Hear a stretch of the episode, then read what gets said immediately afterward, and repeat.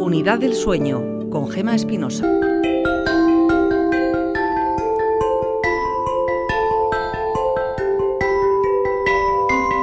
El sueño y las mujeres.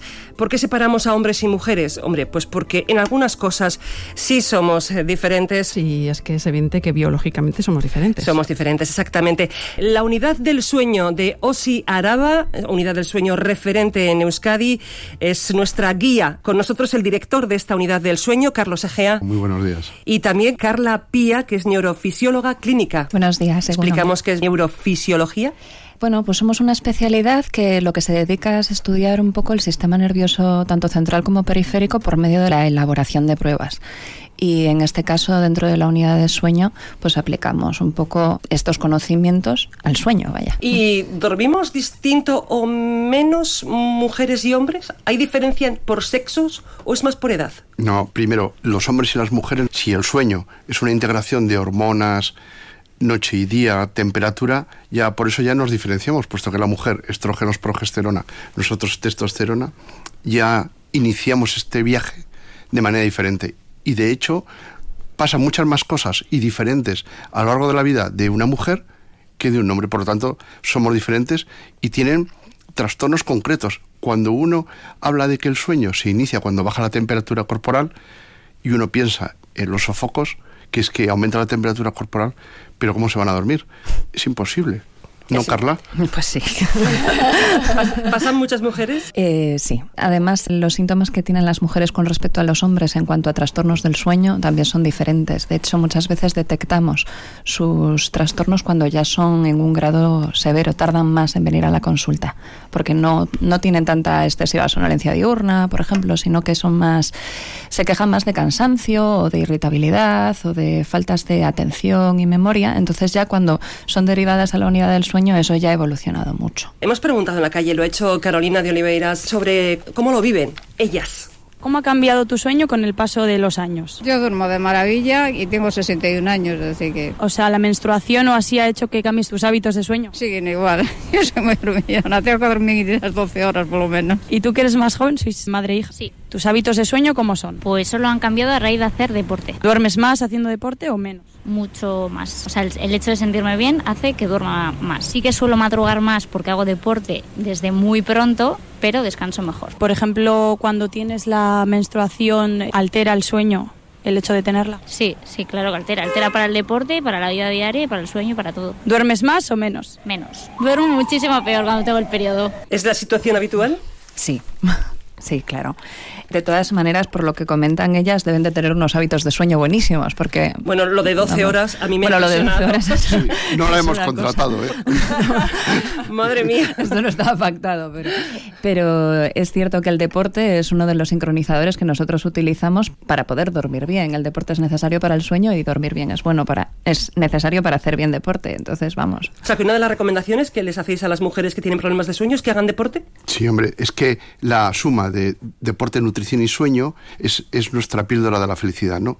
Es como cuando oyes la película de Bohemian Rhapsody y ves a Freddie Mercury totalmente eh, pletórico haciendo a los demás felices. Yo creo que nuestra píldora es nutrición, deporte y sueño. Esa suma es lo que nos hace mucho más felices y longevos. Aunque esta señora que duerme 12 horas igual tiene un problema de sueño, ¿eh? porque sí, más de 9 horas dormir puede significar que tenga un trastorno a la noche o durante el día que haga prolongar más el tiempo de sueño no eficaz. Dijisteis, creo que en la primera eh, sesión que tuvimos, creo que eran menos de 5 y más de 9, ¿no? Eso es, no, no, sabemos cuánto hay que dormir, porque si miramos a nuestros primos, los chimpancés, los gorilas de gran tamaño, esos duermen en cuanto aparece, se quita la luz y se despiertan cuando aparece. Y duermen 11 horas y media.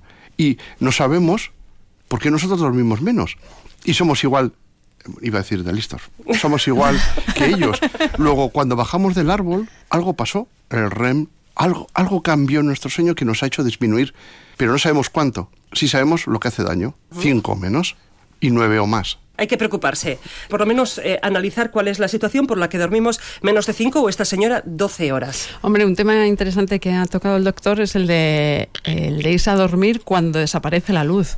Aquí ya con la luz artificial también supone Sí. un cambio en los hábitos. Por ¿no? eso nos hemos ido. Ha, ha habido un grupo de investigadores que se han ido a tribus no industrializadas de África, de Colombia, y han visto que, curiosamente, desaparece la luz y no se duermen. Y entonces decíamos, anda, pues estamos mintiendo. Se duermen cuando desaparece la luz, tres horas más allá, cuando baja la temperatura del entorno. Y se despiertan 15 minutos antes de que aparezca la luz, cuando sube la temperatura del entorno. Luego, no es todo luz, es luz y temperatura, sino en los días calurosos, temperaturas altas, a ver quién duerme con 30 grados en la cama, imposible. Imposible. Un día hablaremos de cómo tiene que ser nuestra habitación para poder dormir, pero vamos a escuchar a otras mujeres. Has tenido hijos, ¿no? Sí, tengo uno de dos años y medio. Se duerme bien, pero todo lo que es algún ruido te despiertas enseguida y bueno, con los sonidos del niño más aún, más rápido. Hay otras eh, influencias como por ejemplo la menstruación. Sí, que también he visto que me influye un poco y duermo menos, me despierto más fácil. A mí me ha influido hace años que me di cuenta que con los días que había luna llena me cuesta mucho más dormir o tengo el sueño mucho más liviano. Y cuando eras joven, ¿dormías más, mucho más que ahora? ¿Cómo era tu sueño cuando eras joven? Dormía mucho y con un sueño muy pesado. Ahora es todo lo contrario. Ahora todo lo contrario. Bueno, cuando somos jóvenes, hombres y mujeres, en eso nos parecemos, dormimos más, pero vamos por partes. Las diferencias de las mujeres. En los dos casos, las mujeres han dicho con la menstruación se duerme menos. ¿Por qué? ¿Qué cambia? Bueno, que cambia, cambian muchas cosas en nosotras, pero ¿por qué dormimos menos? A ver, los cambios hormonales que se producen durante la menstruación, el mero hecho de tenerla, de pensar en me voy a manchar por la noche, la tendencia más a desarrollar anemias durante esta etapa que nos pueden hacer desarrollar pues, un síndrome de piernas inquietas, por ejemplo, todo eso contribuye a que durmamos peor durante la menstruación. ¿Y tiene remedio? Bueno, No, no, me parece a mí que no. Bueno, puedes- Hacerse mayor. No, bueno, eh, se puede hacer cosas de manera preventiva, ¿no? O sea, tener unos horarios regulares, a utilizar a lo mejor otro tipo de, de métodos para no pensar tanto en me voy a manchar por la noche las sábanas y tal, que eso, bueno, no sé a vosotras, pero a mí me agobia. Sí, claro. Un eh, poco. tener la seguridad de que puedo dormir tranquila, Sí, que que, a la puedo mañana siguiente no voy a manchar. Y sobre todo si duermes fuera de casa, ¿no? que en otra casa, que te puede preocupar mucho. Luego, tener síntomas así compatibles con, con piernas inquietas durante los periodos de menstruación suele estar relacionado con tener bajos niveles de, de ferritina, de hierro en, en sangre. Entonces, eso con una analítica, a lo mejor durante etapas necesitas tomar un suplemento de hierro para intentar paliar eso. ¿Y eso ayudaría a dormir, el hierro? Ayudaría a evitar los síntomas de piernas inquietas en un caso, en un porcentaje de, de mujeres. Ujú. Cuando yo he dicho la solución es eh, hacerte mayor, Susana me ha mirado como diciendo, Hombre, sí, porque sí. te llegan otros, otros problemas. Otros ¿no? problemas. Con la menopausia. Pero eh, una, la, la mujer que hablaba en el, en el tema de la encuesta también tocaba el tema del, del embarazo. Eh, está claro que durante el embarazo, quizás durante los últimos meses, hay más problemas, estás más pesada, eh, en fin, descubres muchas cosas, como por ejemplo que lloras por cualquier tontería, muchas cosas, vamos, que eres capaz Hombre, de... darte la vuelta en la cama con una tripa ya aumentada es difícil, ¿no? Sí. Sí, porque además parece que te tienes que levantar y para poder girarte, ¿no? Eso es. Tienes el- que modificar todo prácticamente para darte la vuelta. Sí, ¿Ahí ver. es aconsejable también dormir sobre la parte izquierda? Es aconsejable porque si tienes una tripa muy grande, así hablando un poco... Bueno, sí, eh, está lo, que, lo que sucede cuando te giras hacia la derecha es que eh, presionas una de las venas que llevan la sangre a- al corazón, entonces puedes tener como síntomas de fatiga y así, un, un síndrome de vena cava, vaya, se llama. Entonces es mejor sobre el lado izquierdo para evitar esa sintomatología. Y ahora están muy bien los cojines esos que son como churros de lactancia para dormir abrazadas a ellos, que sí que contribuyen a tener un descanso un poquito mejor. Y a no darte la vuelta, porque claro, si tienes costumbre de dormir hacia el lado derecho, pues difícilmente lo podrás controlar, ¿no? Sí, pero bueno, sí que es cierto que aunque tú te muevas hacia el lado derecho, llegará un momento que estés tan incómoda que automáticamente te vuelvas a girar. O sea, no... La oyente decía, tengo un niño de dos años y medio y el problema está que me despierto constantemente. Cualquier ruido, la alerta maternal, ¿no? De un niño pequeño y ese cualquier ruido que escucho, me despierto. Vamos, que unas veces por la menstruación, otras porque estás embarazada, otras porque tienes el niño en crecimiento y las siguientes porque estás con la menopausia, Carlos Egea es el único hombre en esta mesa y creo que eres el único que tienes así como Cara de felicidad. para dormir bien. No, pero la diversidad es maravillosa y es lo que nos ha hecho. Sí, claro, te ha tocado la. Parte buena. Bueno, en eso, porque en otras cosas no. Bueno, claro, cada uno tiene lo suyo, pero en esto del sueño hay que reconocer que nos afecta todos los cambios que hay hormonales a lo largo de Sí, nuestra vida. hemos ¿no? salido perdiendo, en esto Hombre. hemos salido perdiendo, sí. Además es que hay pocas etapas de nuestra vida en la que no hay algún motivo para no dormir. ¿Qué pasa cuando llega la menopausia? Ahí ya Lo mismo, cambios hormonales a tope, aún encima el tema de los sofocos, ¿no? que es lo que comentaba antes Carlos. Nosotros para iniciar el sueño necesitamos que baje la temperatura ambiental. Si nuestra temperatura corporal aumenta, pues eh, ocurre el desastre. Entonces lo que podría intentarse en- durante esa etapa es tener la habitación un punto más fresca de lo, de lo habitual. Vaya. un grado más fresca. Y, y cuál sería la- el grado oportuno para poder dormir bien en ese es caso? que igual depende de tus sofocos. Claro. Si tienes muchos sofocos, Abre la ventana. Es que no hay más remedio, ¿no? sí.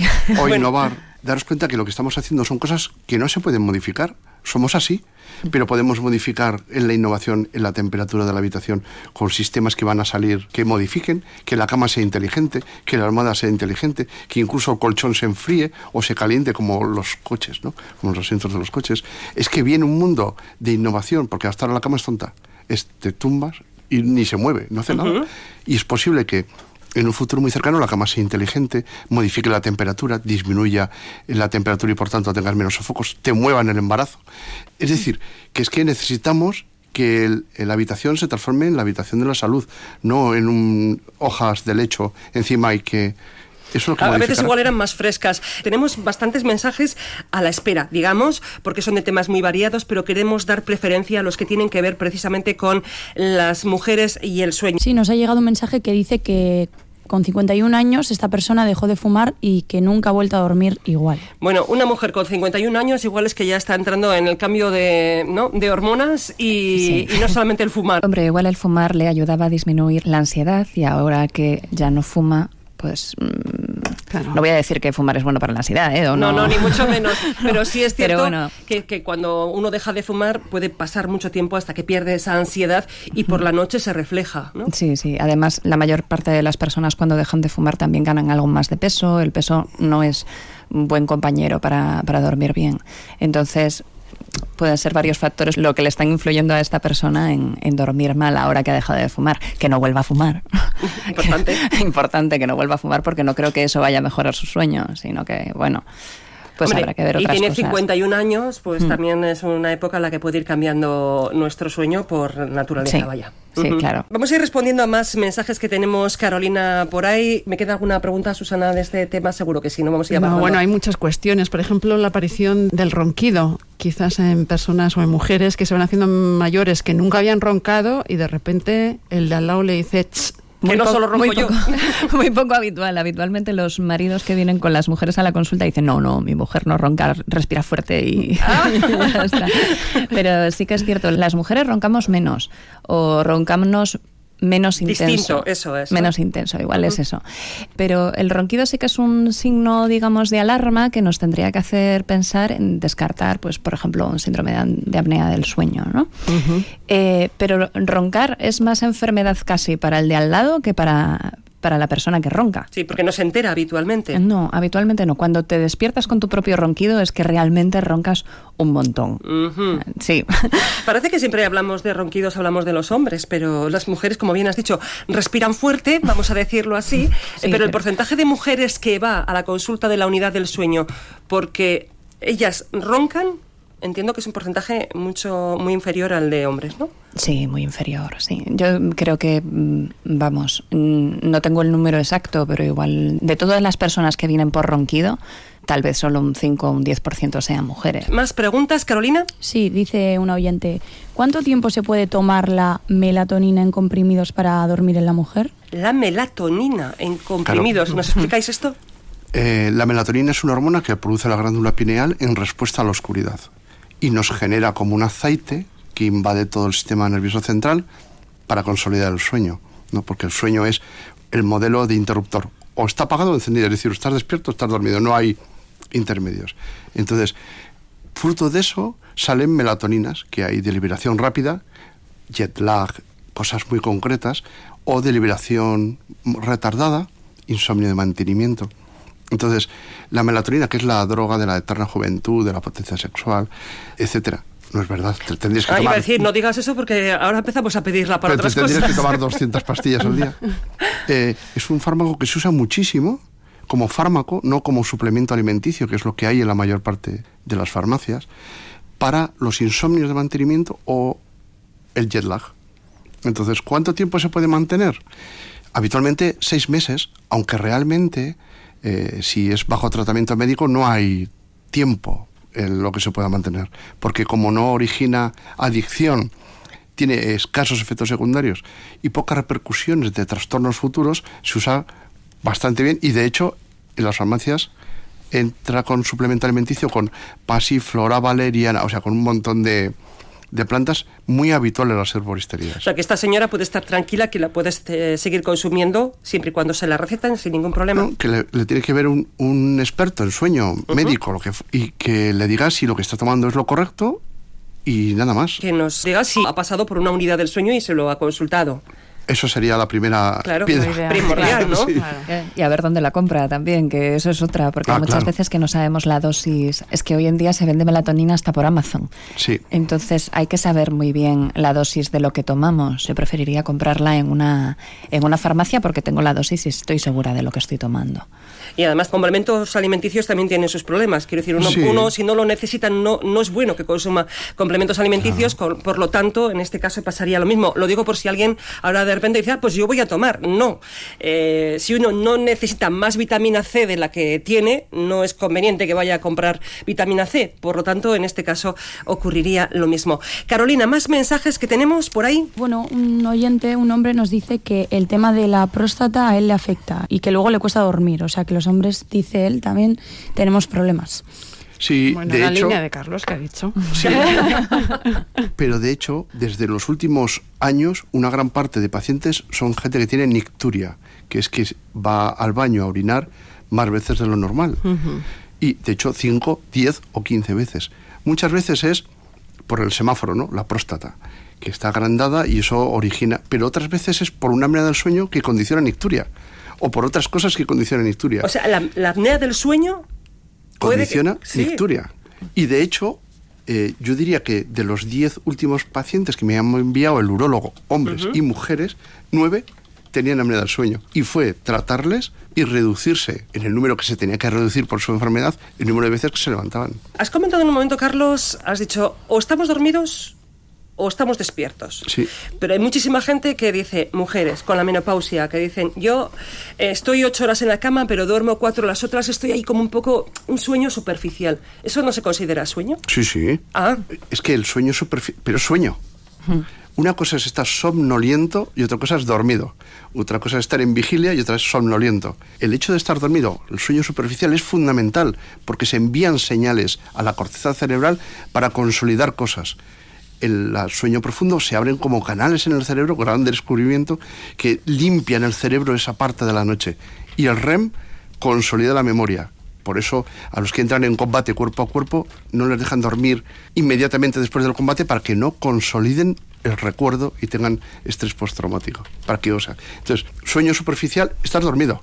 Puedes estar somnoliento y de hecho en sueño superficial seguro que habéis estado alguna vez conduciendo, que es que estás conduciendo tranquilamente y no te acuerdas que pasa, tú vas pensando run run run run y no sabes ni que pasas un pueblo ni en la autopista, y, pero tú eres capaz de asustarte, de cambiar de marcha, de girar el volante.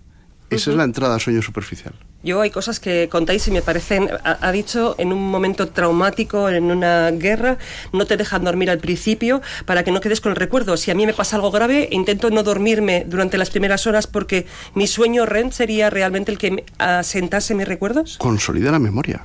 Claro, el sueño es reestructuración cerebral, oxigenación cerebral, quitar toxinas y consolidar memoria. Por eso cuando ratones les tenemos sin dormir a un grupo, les enseñamos un queso y al otro también. Van y lo cogen. A unos les dejamos dormir y a otros no. El que no duerme, los grupos ratones que no le dejamos dormir porque le movemos la jaula, no se acuerdan dónde está el queso. Tienen que volver a reiniciar. O sea, si yo me pongo a estudiar y después de estudiar hasta las 9, las 10 de la noche, me voy de fiesta y vuelvo a las 4 de la mañana, es probable que lo que he aprendido... Que suspendas, Gemma. Exactamente, Sí, sí, sí. Esa, esa es la conclusión. Por sí. varios motivos, además, no solo por no dormir, sino por irte de fiestas. Bueno, Sí, sí, sí. Lo de la fiesta no te va a contribuir. no me va a venir nada bien. Pero claro, si yo lo que he estudiado eh, me voy de fiesta y por lo tanto me pierdo el sueño REM, no, no se graba en mí lo que he aprendido. Perderás un montón de información. Sí, sí. De hecho, esto se basa, no sé si os acordáis en nuestra época, eh, que daban cintas para aprender inglés mientras duermes. Ah, ¿sí? Imposible, es mentira. Pero todo el mundo decía, no, pues qué fácil, me duermo, me pongo la cinta y a la mañana siguiente digo good morning. ¿No? ¿Dó- ¿Dónde estabas, Carlos, cuando salían aquellas cintas? Que más de uno se lo compró y seguro que metió Pues, horas de eh, noche. estaba en la o en el bachiller. que ni no podía, ni podía dormir seguro aquel señor o señora y además encima no aprendía idiomas. Bueno, eh, Vamos con más, eh, con más preguntas, Carolina. Vamos a ir además respondiendo algunas. Tenemos una larga lista. Carolina, cuéntanos. Sí, uno trabajador de Osakidecha que trabajaba de turno antiestrés y le habían recetado una pastilla inductora. Entonces pregunta, ¿cuál es la diferencia entre pastilla inductora al sueño y la típica pastilla para dormir? A ver, Eh, si es que hay diferencia, porque claro, inductor al sueño Claro, es que y la típica pastilla para dormir. Entiendo que es lo solo mismo. con, solo con ese dato no, no sé muy bien a qué pastilla se refiere. Nosotros tenemos una, una cantidad de, de fármacos que tienen ese efecto sedante y que nos ayudan a quedarnos dormidos y dependiendo de la persona que tenemos delante, escogemos el que va mejor. Es cierto que hay estudios que, mm, por ejemplo, estudios de, de insomnio, ¿no? que comparan el dar un fármaco a una persona contra placebo y hay muchas veces que no hay, no hay grandes diferencias en, en cuanto a resultados. Pero dependiendo de si tu problema para dormir viene, pues en este caso, ¿no? Porque soy un trabajador a turnos, aunque ahora esté en turno an- antiestrés. Los trabajadores a turnos tienen unos problemas diferentes que una persona, por ejemplo, que ha pasado una situación vital estresante y que por eso no puede dormir. Entonces, dependiendo de cada caso, escogemos un fármaco u, u otro. O simplemente intentamos reconducir los hábitos de sueño, porque muchas veces lo que sucede es que lo hacemos mal y no nos damos cuenta de que nos de que estamos haciendo las cosas mal. Nos vamos a, a la cama en un horario variable, nos vamos a la cama con el móvil la mayor parte de las veces, nos ponemos ahí a leer. Entre los jóvenes, sobre todo, ¿no? Sí, pero no tan jóvenes. ¿eh? Yo cada vez tengo más gente que dice, jo, pues estupendo, leo el periódico ahí en el móvil y claro, con el papel, pues así, mira qué bien. Y, Y O ver la tele. Tener tele en el dormitorio es algo terrible. No solo por, porque el contenido al final que estamos viendo nos engancha, sino porque tiene luz y tiene una luz que es de color azul que lo que hace es confundir a nuestro cerebro. Nuestro cerebro interpreta que es de día. O sea, no genera la melatonina suficiente de la que hablaba antes Carlos para inducir y para mantener el sueño. Entonces, inductores, pues hay muchos. O sea, hay, hay, hay fármacos benzodiazepínicos, hay algunos antidepresivos que en dosis bajas los podemos utilizar para el sueño, eh, están los fármacos Z, está la melatonina, es que todo depende. Tiene que de- concretar más en ese Sí. caso. Eh, la televisión hay gente a la que le duerme, la radio también. Escuchar una vocecita así bajito, tú, la televisión... mm, Ni no- televisión ni radio. Carla, tú- no, no, no, no. Nuestra, nuestra habitación tendría que ser nuestro templo, de llegar ahí y que no, no asociar como un castigo, porque eso también nos, les pasa a algunas personas, ¿no? Que van, ay, me tengo que volver a ir a la cama a dormir. Y ya van predeterminados a no voy a dormir esta noche. Entonces la habitación tiene que ser el sitio donde donde estemos más tranquilos, más relajados, tiene que tener unas condiciones de, de luz, de, de frescor, digamos, de comodidad óptimas para, para nuestro sueño.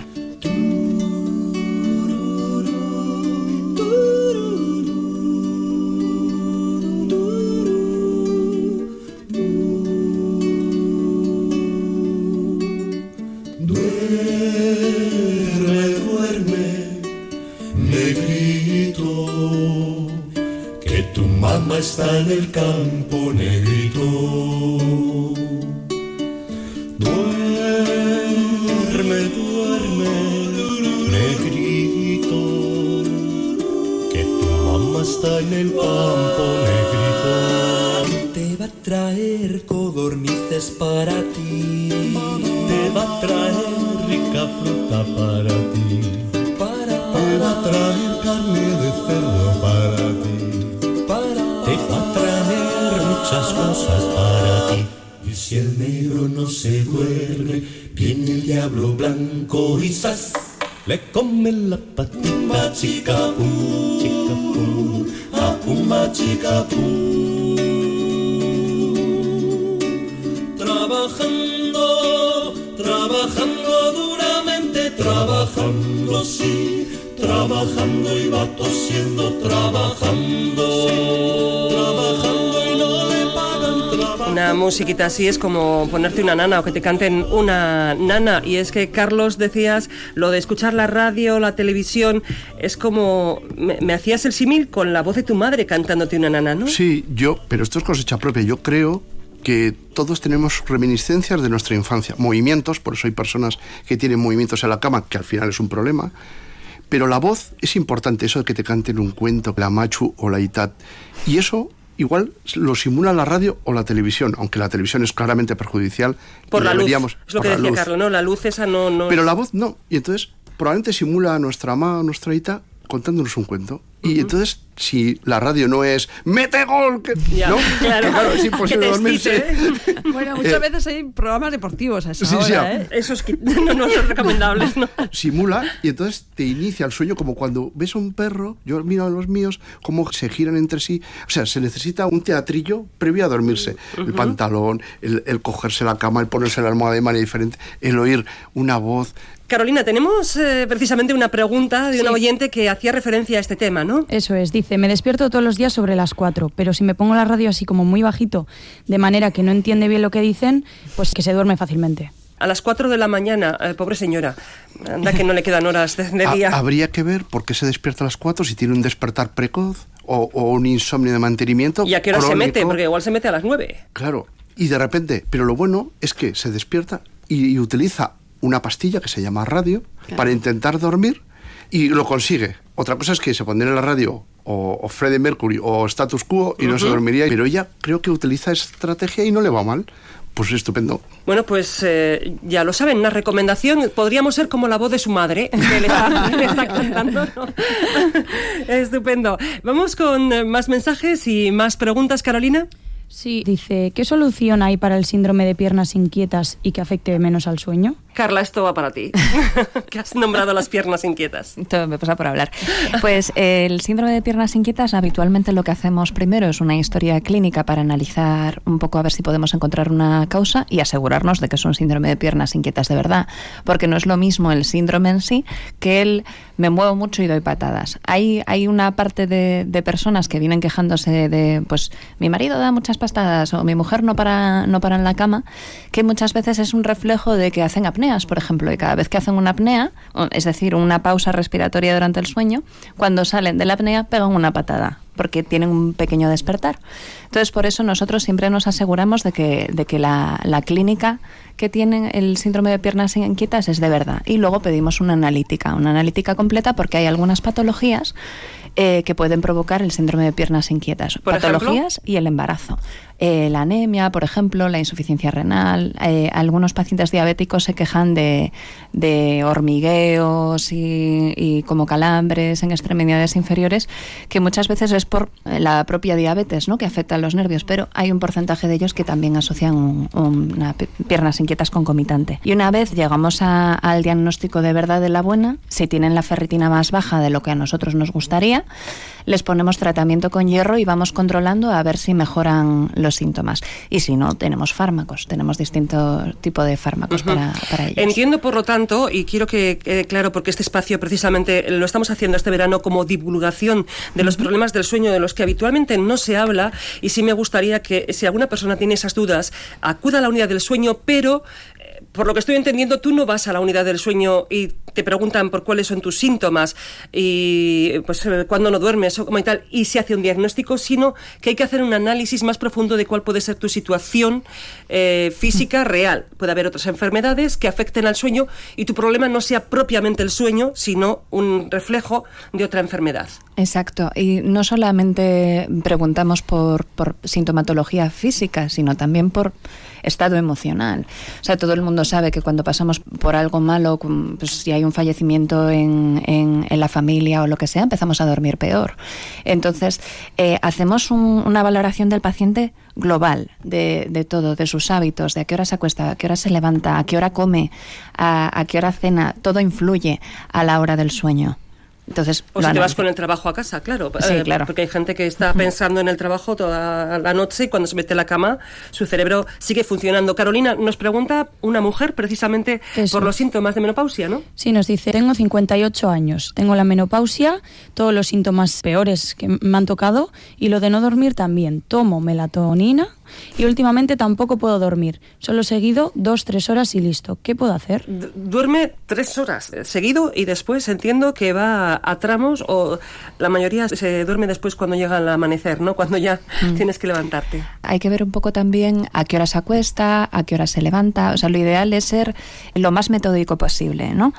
Ser un poco estricto en cuanto a horarios también de, de comida. Hacer algo de ejercicio mejor a primeras horas de la mañana o primeras horas de la tarde, no nunca antes de, irse a dormir.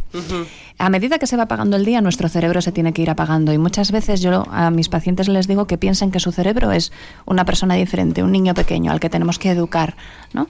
Le tenemos que enseñar a que a la cama se va a dormir a cierta hora y se levanta a uno a cierta hora, no pasar más horas en la cama de las que son necesarias, porque si dormimos tres horas, ¿para qué estamos 10 horas en la cama. No tiene sentido. Para intentar dormir otras dos, por lo menos. Claro, pero el, el problema que pasa con eso es que muchas veces estamos esas horas en la cama haciendo ese sueño de entre Pinto y Valdemoro, que me duermo, que no me duermo, que en realidad estamos durmiendo más, pero a nosotros no nos cunde, por decirlo así, no, no tenemos esa sensación de descanso.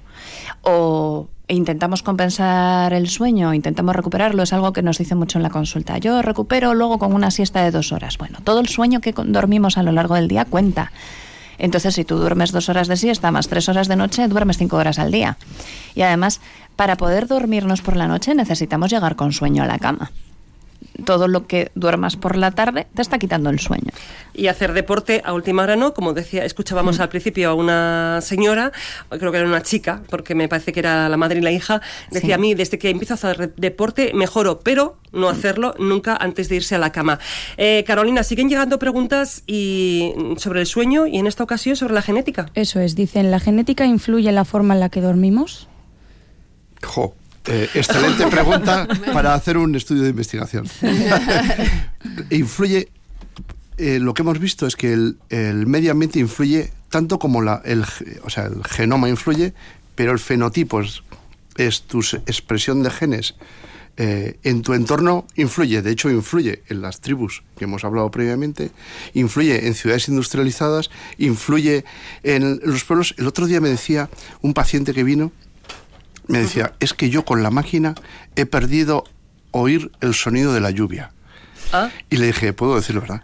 Porque es que me pareció tan poético. Es decir, que los tratamientos y todo influye, claro que sí, y la, la genética influye muchísimo, aunque tenemos un largo recorrido para saber si hay genes que expresan que en un medio ambiente determinado modifican el sueño.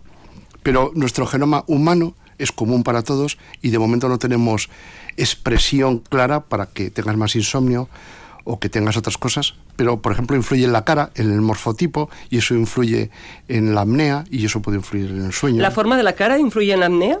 Oh, clarísimo. Como ves, cada cosa que dices me, hago una pregunta porque es que me, resulta sorprendente. La forma de la cara. Sí, eh, eh, la alineación de la mandíbula superior con la inferior, eh, si os dais cuenta, los chimpancés tienen los dos miembros, o sea, maxilar superior e inferior, muy abultado. Con lo cual la lengua está muy hacia afuera, con lo cual es poco probable que tengan apnea del sueño. Pero nosotros, que no podemos modificar el volumen del cráneo, de la cabeza, hemos, hemos tenido que bajar quitar mentón para aumentar cabeza cerebral, ¿no? Para aumentar inteligencia. El espacio del cerebro aumenta y por lo tanto merma la... Con lo cual, y la lengua es la misma con lo cual el espacio para respirar es menor. Luego vamos hacia para ser Homo apneicus. O sea, e, seremos dentro de 50.000 años ET y todo el mundo o sea, roncará. No va a faltar trabajo nunca a vosotros. Bueno, espero que descubramos. ¿Van a tener más? Por eso. Esperamos. Y entonces, genéticamente, el que tiene la mandíbula hacia atrás eh, tiene más probabilidades de tener apnea del sueño y dormir peor que el que tiene la mandíbula alineada o hacia adelante. Eh, Carla, me preguntan si cuando has eh, comentado que cuentan todos los ratos de sueño que tenemos a lo largo del día, si es de la misma calidad dormir, por ejemplo, tres horas por la noche y luego cinco durante el día. Eso cuenta como sueño, vale, en, en horas, Cuenta- pero cuenta como, sueño, calidad pero del no, sueño. no, no, No. no es la misma calidad, no. Lo, lo ideal, a ver, eh, antes hablábamos de- del sueño superficial, que es necesario y demás. Y no solo es necesario, es la mayor parte del sueño que nosotros dormimos. Lo- el- las distintas fases de sueño son como unas escaleras que, que suben y que bajan, ¿no? Tú a medida que va avanzando la noche vas bajando las escaleras hacia el sueño profundo y luego subes un poquito para el sueño REM y vuelves a empezar a bajar y a, y, a subir. Eso es lo ideal. El 60% del sueño total de una persona normal y corriente y sana y sin ningún problema es sueño superficial. Solo un 20% es sueño profundo y otro 20% es sueño REM. Y ya no me acuerdo de lo que me has Sí, preguntado. sí, sí, es de la misma calidad, las tres horas de noche y cinco de día. No, porque claro, nosotros a medida que vamos iniciando el sueño, esa bajada, ¿no? Si la cortamos ahí y luego no volvemos a dormir hasta pasadas unas horas que ya nos toque a la noche, tenemos que volver a reiniciar el, La primera parte del la sueño, primera escalera, la digamos. Vale, Entonces, vale. por eso lo ideal es concentrar las máximas horas posibles en, en la noche. Había un oyente, perdona, eh, Gemma, que también nos preguntaba si que ha- había leído hace un año que la OSI Araba estaba utilizando una especie de aparatillo que se ponía en la frente para las apneas. Yo no sé a qué aparato se refiere. Dice si se sigue experimentando y si funciona, si tiene resultados. Sí, se llama dispositivo postural y todo se inició por un paciente que ideó cómo no ponerse boca arriba a través de la cabeza, poniéndose un vaso en la parte posterior de la cabeza y de ahí salió un dispositivo que es de una parte de- del copyright es de Sakidecha en el que si detectas si te pones boca arriba que hay un porcentaje muy alto de pacientes con apnea del sueño solo boca arriba, todo el mundo sabrá ah, que cuando te pones boca arriba es que te ahogas. Pues que trata, intenta tratar con resultados satisfactorios a aquellos que solo tienen apnea del sueño o que predominantemente tienen cuando están boca arriba. Ujú, Qué así es. curioso. Hay, hay muchas curiosidades, la verdad Sí. que vamos una por una. Vamos con otra pregunta, Carolina. Otra pregunta. ¿Qué opináis sobre la siesta del carnero, la que se echa antes de comer? Dice que para él fue la clave antes de un estado largo de falta de energía. Sí, yo cuando un- una persona que vino a la consulta, que era jesuita, eh, me dijo lo de la siesta del carnero, por vergüenza no dije porque no sabía de qué me estaba hablando. Porque- Yo también me acabo de enterar, ¿eh? Sí. Bueno, yo no soy especialista, Sí. pero... Bueno, pero la siesta es siesta después de comer y la del carnero es la de antes de comer, ¿no? Sí, sí, Y es más típica la, la después, bueno, es más fisiológica la después porque coincide con el Zeitberg, o sea, con el punto de en la cronobiología donde cambia la temperatura, donde es la digestión y no es tan frecuente el inicio. Pero bueno, si él utiliza eso como suma de tiempo total de sueño, para mí perfecto, no tengo nada que decir. lo, lo único que fíjate que estás en el trabajo a la una y dices, me voy a echar la siesta al carnero. y que usted sale a las tres. O sea, que, que tiene más problemas para trabajar la siesta del carnero que la siesta inglés o española. Sí, pero si duermo cinco horas por la noche y digo, antes de ir a trabajar por la tarde, me echo una siestica del carnero, bien. Sí, sí, Ven. si tiene tiempo y le viene bien y le beneficia y le completa, pues viva la madre superiora. El jesuita no tenía problemas con la siesta del carnero. No, no, es que es el que me enseñó lo que era la siesta del carnero. es curioso. Eh, todo se aprende. Bueno, cuando hay personas que se quedan dormidas y personas mayores, por ejemplo, que se quedan dormidas varias veces a lo largo del día y luego siempre dicen aquello de, es que yo no duermo por la noche. Claro, igual haber dormido pequeños tramos no son igualmente revitalizantes, Carla, pero sí eh, se Sí. considera sueño. Sí que es fisiológico pasada cierta edad, a medida que nos vamos haciendo mayores, no es que durmamos menos, eh, que es como dices tú, ¿no? No dormimos menos cantidad, pero dormimos diferente, eso es fisiológico. En personas de edad avanzada tienden a meterse antes en la cama, tienen como un adelanto de fase, se llama, y luego también tienden a tener un sueño fragmentado en, en distintas siestas. Es muy común que vengan a la consulta y digan, tengo insomnio, me levanto todos los días a las 4 de la mañana, pero a lo mejor se meten en la cama a las 8 de la tarde, entonces ya han hecho todo el sueño que necesitan en realidad. Lo ideal es intentar retrasar ese momento de irse a la cama, porque muchas veces, claro, ellos se quejan de que no pueden dormir a las 4 de la mañana y les cascamos ahí un somnífero, vamos, una pastilla de lo que sea, y al final, llegado a cierto punto, pues tienen más problemas que beneficios. Entonces, lo ideal es intentar mantenerse un poquito activos hasta ese momento de antes de irse a la cama y luego pues ya intentar hacer las horas, pero las horas que nos corresponden en un horario europeo. O lógico. O Eh, lógico. de cualquier forma es que te levantas a las 4 de la mañana, lo escuchábamos en un oyente que nos escribía y nos decía, me despierto a las 4 de la mañana, claro, a las 4 de la mañana no puedes hacer nada físico, me refiero, por el bien de los vecinos, sobre todo, no puedes hacer nada y por lo tanto te puedes llegar a poner tan nervioso en la cama que ni descansas ni duermes y cuando se levanta el resto de la humanidad, tú estás agotado de intentar dormirte, ¿no? Exacto, sí. Eso, eso pasa muchas veces en pacientes con insomnio crónico, sobre todo que una de las cosas que mm, dicen es, si veo las horas pasar y me fijo en el reloj, bueno, pues quita el reloj de la habitación lo primero. Y luego, pues si ves que no puedes estar en la cama durante mm, más tiempo porque no te quedas dormido, no pasa nada, te puedes levantar. Intentar hacer una actividad que sea un poco más relajante sin hacer ruido por los vecinos, no ponerse a planchar ni nada así, que esa es otra de las cosas de, no, yo me pongo a planchar y ya está. No, si tu intención es volver a intentar quedarte dormido, te levantas de la cama, te vas a otra habitación con las luces un poco bajas, también para no confundir a nuestro cerebro, e intentas hacer una actividad que te relaje y que te entre un poco ese duerme vela. Y cuando ya notas que estás un poco más tontorrón, te vuelves a la cama, para que así nuestro cerebro piense que en la cama realmente solo se va a dormir, no se va a perder el tiempo. Cuando tienes la menopausia hemos hablado de los cambios de sueño, pero igual tienes 80 años, hace 30 que ya dejaste los cambios hormonales y se duerme menos siendo mujer que hombre con 80 años. El porcentaje, me refiero, de las personas que, que pueden acudir a la unidad del sueño. O ya llega un momento en el que ambos... yo creo que llega un momento que ya eso se, Se solapa, eso ya se solapa. Y el problema no es que duerman menos, sino que duermen distinto, por la edad, puramente por la edad. Eh, tenemos más preguntas, pero hemos, eh, yo creo que ampliado todo el tiempo que hemos podido en esta hora, este espacio, así que no se preocupen, tendremos nuevos responsables de la unidad del sueño de Osi Araba, como siempre decimos, eh, ellos acuden como eh, unidad de referencia, pero hay unidades de- del sueño en otros hospitales a los que pueden acudir. Eh, un minutito sí para recomendar en qué momento eh, las personas que nos estén escuchando y que ahora le estén dando vueltas a la cabeza diciendo, ah, pues yo me pasa esto, o, podría ser algo parecido a lo mío, eh, ¿quiénes deberían acudir a la unidad del sueño? En principio, un mensaje para llevar en la cartera, ¿no? Es probable que la suma de mejora de la ciencia más tecnología haga que las mujeres, que es el programa de hoy, duerman mejor. Sé que hemos perdido muchos años en ello, pero creo que en el futuro la mujer va a dormir igual que el hombre, pero con los mismos problemas, apnea del sueño, insomnio, etcétera, ¿no? Creo Nos equiparamos a lo bueno y lo malo, dices. Sí, claro. Vale, bien. Quiero decir que aquellos que tienen un problema de sueño y que eso dura más de tres meses, ya es una señal de alarma. Alarma en el sentido no de preocuparse, sino igual debo consultarlo con mi médico de atención primaria, que está súper formado en esto, ¿no? Dos, si esos síntomas que duran más de tres meses ya vienen desde atrás y son que no duermo bien, que me, voy, necesito de pastillas, que la familia me ve que tengo problemas, o bien porque me duermo mucho, o bien porque me duermo poco, consúltalo también.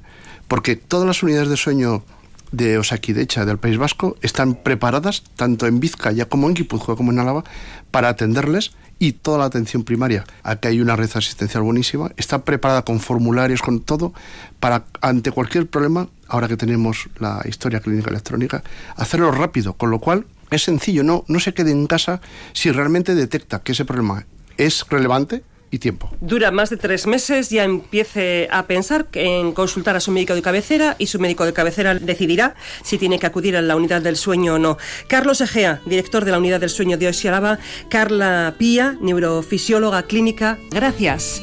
A vosotros. A.